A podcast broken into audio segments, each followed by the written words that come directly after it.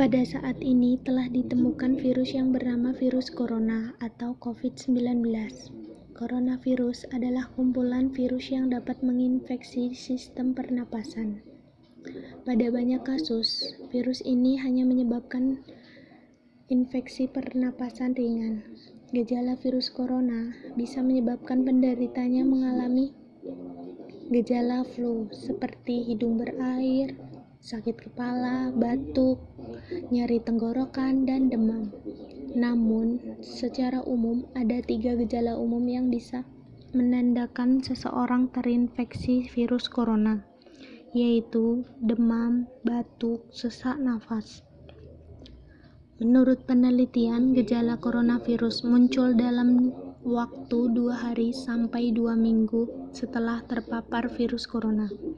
Virus corona telah menewaskan kurang lebih 2.000 orang meninggal dunia dan terdapat kurang lebih 80.000 virus ini telah dikonfirmasi dengan jumlah 4 bandingkan dengan Cina. Muangan Sri Mulyani mengatakan bahwa persoalan virus corona ini lebih kompleks dibandingkan krisis ekonomi pada tahun 2008. Hal ini karena wabah virus corona langsung berdampak pada psikologis, kesehatan manusia, dan sehingga sektor real.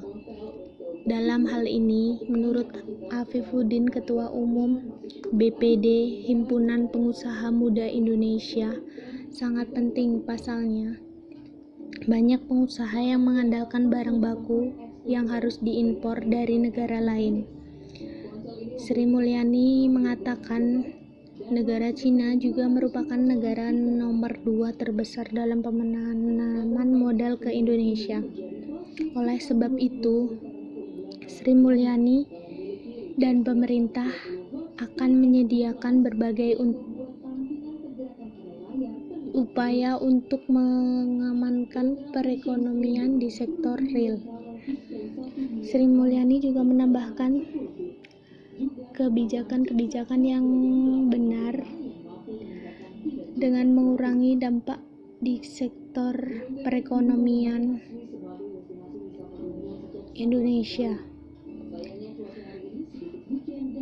dan juga entah melalui berbagai relaksasi dari sisi demand set supaya masyarakat yang pertama jangan merasa ketakutan yang membuat mereka tidak melakukan kegiatan aktivitas apa-apa.